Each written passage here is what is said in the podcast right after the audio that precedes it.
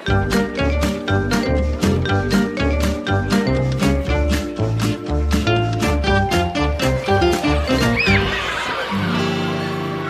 står det til med generasjon prestasjon på skolen?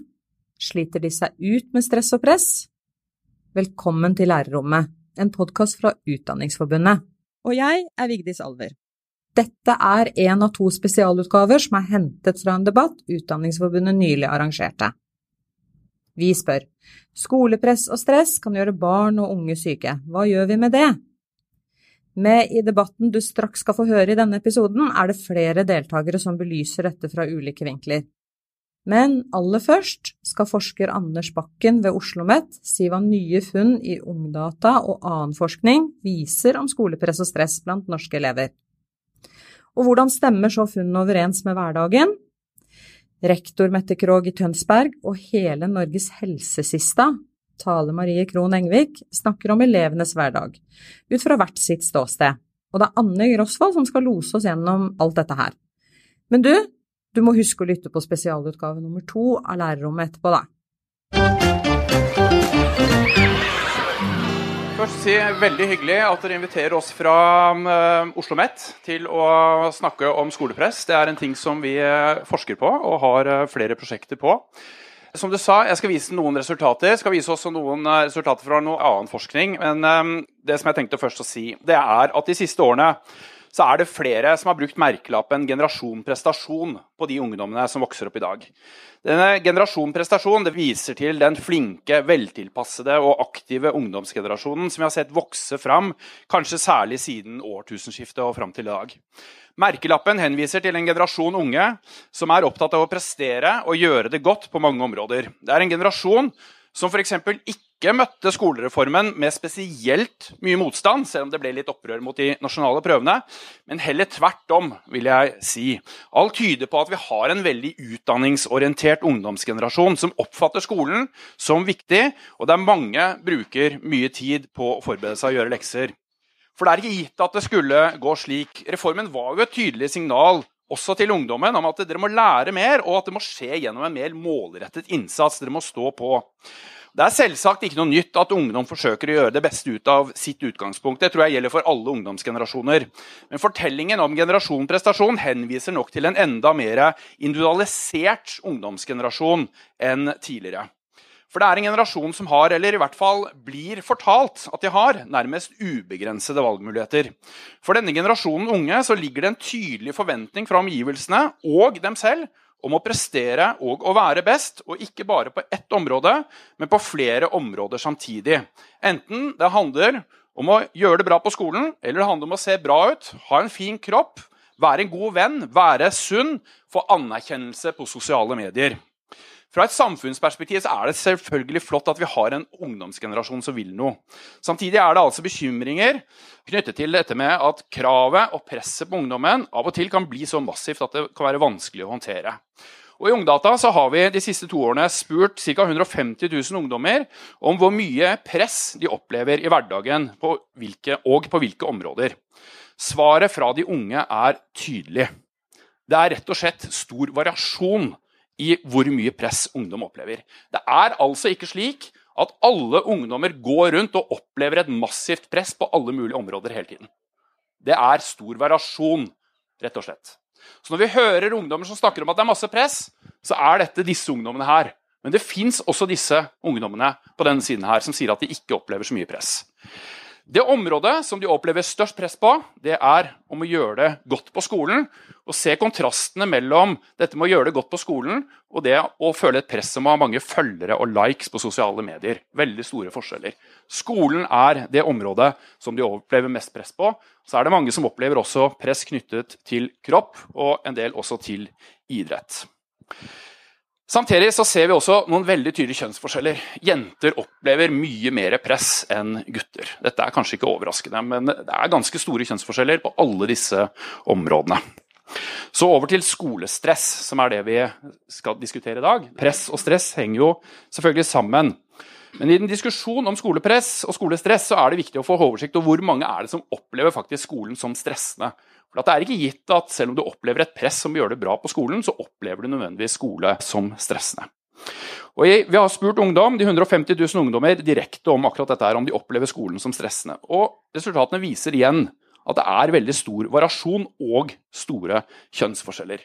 Veldig stor variasjon blant gutter Blant jenter er det relativt få som aldri eller sjelden opplever skolen, skolearbeidet som stressende.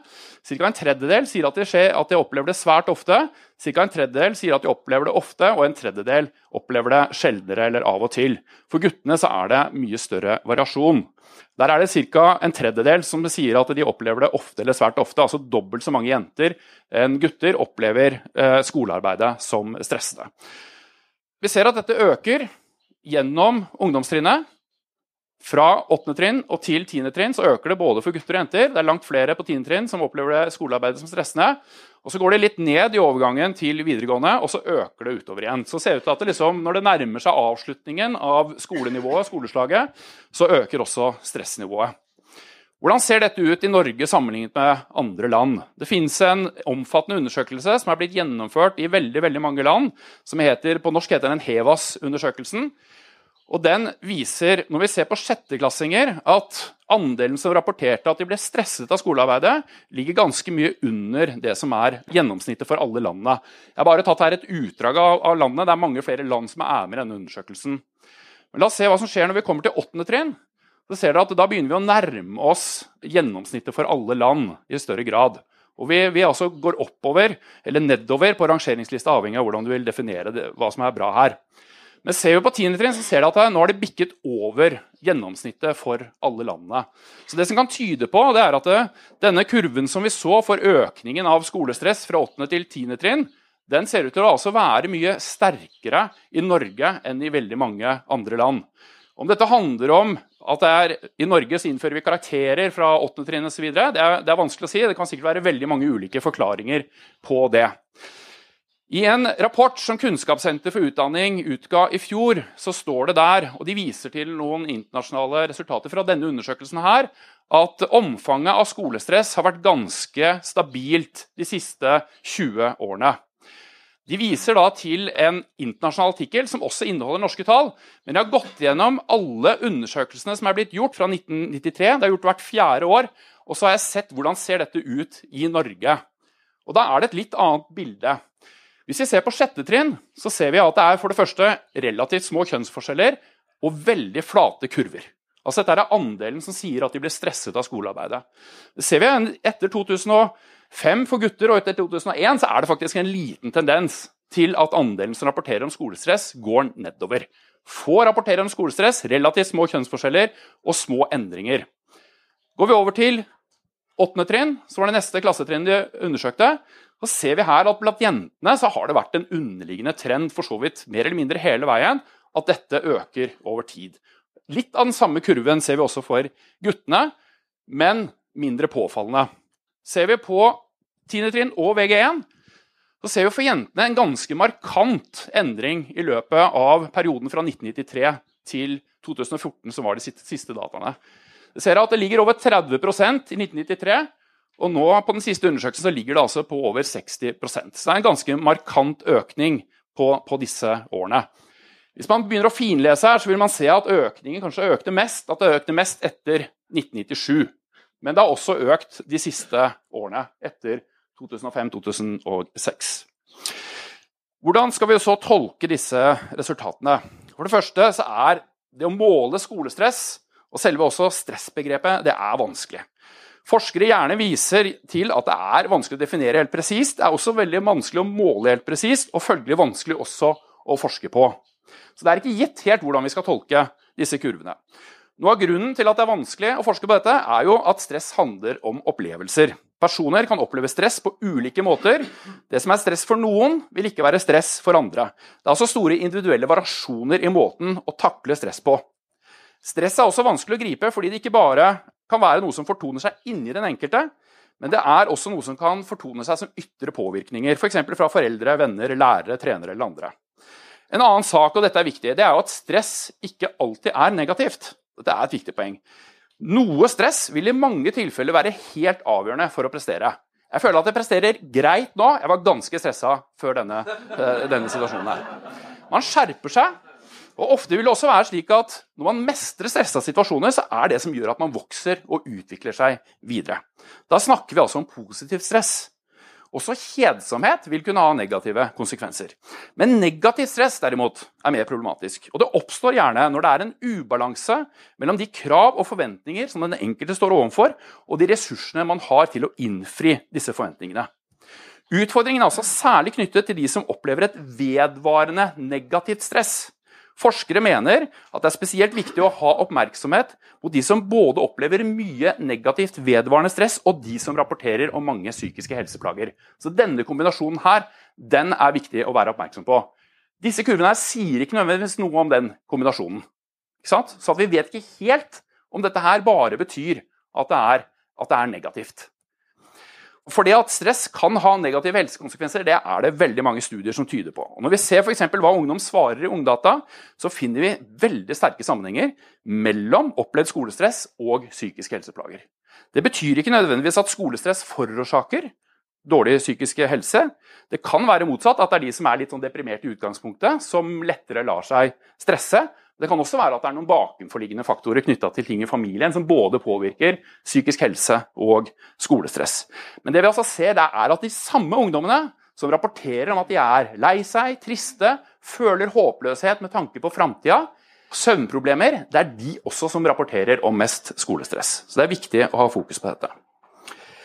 Skoleelever på 10. trinn som vi har forsket på gjennom gruppeintervjuer, de forteller også om, om sammenhenger mellom psykisk helse, stress og de kravene som skoler stiller til dem. Og de oppgir, I intervjuer så oppgir de ofte og legger veldig sterk vekt på at det er skolen som er hovedårsaken til det stresset de opplever i hverdagen. Men hva handler dette stresset om?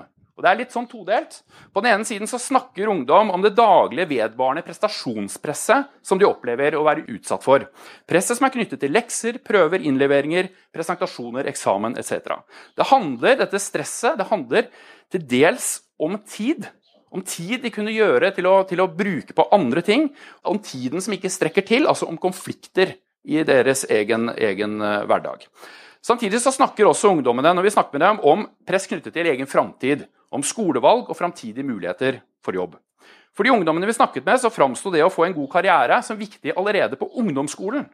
Og flere ga uttrykk for en oppfatning av at hele deres framtid var i ferd med å defineres her og nå. Dette var tiendeklassinger vi snakket med. Som tiendeklassinger ga de uttrykk for at det viktigste det var å komme inn på den riktige videregående skolen og få det utdanningsvalget som de ønsket. Dette så de på som avgjørende for å få livet de ønsker seg i framtida. Utsagn som at alt er ødelagt om de ikke kommer inn på den skolen de gjerne ville inn på, det var vanlig. Som f.eks. når en jente sier at det å få en tre på en prøve det kan ødelegge for den totale karakteren på kortet, og da er alt ødelagt. Dette er tiendeklassinger. Likevel hadde ungdommene problemer med å konkretisere konsekvensene av å ikke få gode nok karakterer. altså dette med hva det betyr at alt er ødelagt. Det hadde litt vanskelig med å konkretisere. Så dette er litt sånn vage alternativet som de står overfor dersom de ikke får det til, det de ønsker, det tror jeg er med på å bidra til å skape stress i hverdagen. Ok, Jeg har ikke noen gode løsninger nødvendigvis på hva man skal gjøre for å redusere skolestresset. Men den rapporten som Kunnskapssenter for utdanning ga ut i går, så understreker de behovene for en engasjerende undervisning som er meningsfull for elevene. De understreker behovet for gode sosiale relasjoner til lærere mellom elever. De argumenterer også for at det er viktig med en jevn arbeidsbelastning, for å, og viktig at skolen unngår å skape en unødvendig stresskultur. Disse fire tingene tenker jeg det er viktig å ha med seg. Takk for meg.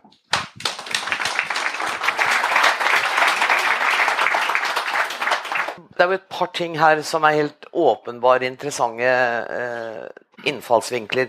F.eks. dette med kjønnsforskjellene. Har dere gjort noen analyse av hva grunnen er til at jenter føler dette så mye sterkere enn gutta? Altså, det er veldig mye forskning som tyder på at jenter generelt reagerer mer med stressende ting på, på eh, med, med, å ta ting innover seg på stressende situasjoner. Okay. Uh, om det er biologisk eller hva det er, eller om det er ting man har lært fra barndommen, det tror jeg liksom er selvfølgelig det, det, store spørsmålet. Men jeg tror at for mange jenter så betyr utdanning rett og slett mer i dag. Fordi at gutta har rett og slett flere alternativer til suksess. I hvert fall så har de hatt det tidligere. Mm. Jentene de er nødt til å ta høyere utdanning hvis de skal klare å få en jobb som de kan tjene en del penger på. Hmm. Men, men, det er jo også åpnet flere muligheter for jenter de siste 20 årene. og Det, jo, det kan vi jo takke politikerne for. Det gjøres eh, flere Det gis flere valgmuligheter. Men allikevel så øker stressprosenten. Eh, og jeg, tenker, jeg ville trodd at det hadde vært motsatt akkurat nå. Jo, men det er litt det jeg sa i stad. At hvis jeg får den treeren, så er alt ødelagt. Ja. ikke sant? Det er noe med, Da er valgmulighetene borte. Ja. Og jeg tror det er det det egentlig handler om. Veldig mye av det stresset handler om det der med å, å, å på en måte få valgmulighetene slått litt under beina for seg. Ja, nettopp. Men uh, i dette bildet så skal vi heller ikke glemme, som du sa, at de aller fleste klarer liksom hverdagen sin ganske bra. Ja, og det tror jeg også gjelder på skolen. Så selv om veldig mange opplever skolen som stressende, og det kan være stressende i perioder, og så kommer sommerferien, så er det jo litt deilig, og så går man litt på ny giv når man kommer igjen neste skoleår. Vi får, håpe det. Vi får håpe det er sånn. Tusen takk skal du ha. Jeg håper du blir her, så jeg kan eh, dra nytte av din kunnskap hvis jeg skulle ha behov for det litt seinere òg. Um, vi skal snakke med to som står i denne Mens hun ordner med bordet, så skal, vi, skal jeg snakke med Mette Krogh ved Ringshaug ungdomsskole i Tønsberg. Hun er rektor der og står midt i denne hverdagen. Og det gjør også Tale Maria Krohn Engvik. Mette, nå hørte vi at eh, skolen kan være ekstremt stressende for en del, og at det handler bl.a. om lekser, hjemmearbeid og vanskelig med å prioritere. Har dere gjort noe for å bedre den situasjonen for elevene? Ja, det har vi. Vi har eh, årlig en elevkonferanse, eh, elevrådskonferanse i Tønsberg. Og der får elevene uh, forberede spørsmål de er opptatt av. Og sist år så kom leksespørsmålet opp. Jeg tror ikke det er noe som er spesielt for dette året, men, men nettopp dette med å ikke ha noen ytre rammer. At ikke det er noen tidsbegrensninger. Vi voksne har 37,5 eh, times arbeidsdag og en forutsigbarhet i arbeidet.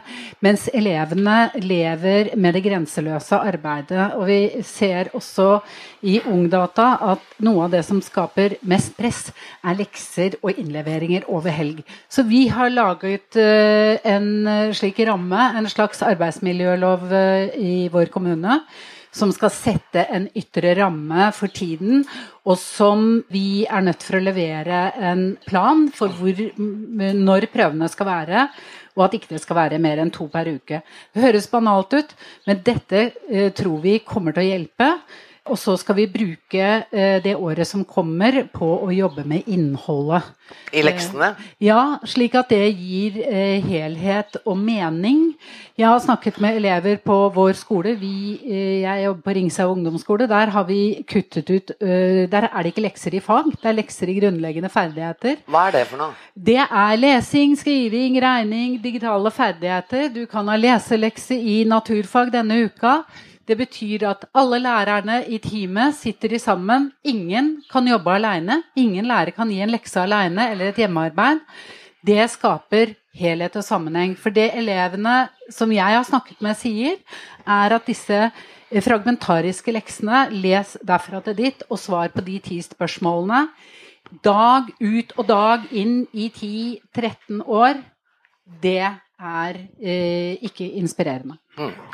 Tale, eh, liker du det du hører her? Jeg syns det er helt fantastisk. Eh, det, det, sånn, det, burde jo bli en modell. Nå er det jo mange som tenker at eh, burde man ha lekser i det hele tatt. For det er jo, altså jeg snakker med så utrolig mange barn som ikke har det bra hjemme.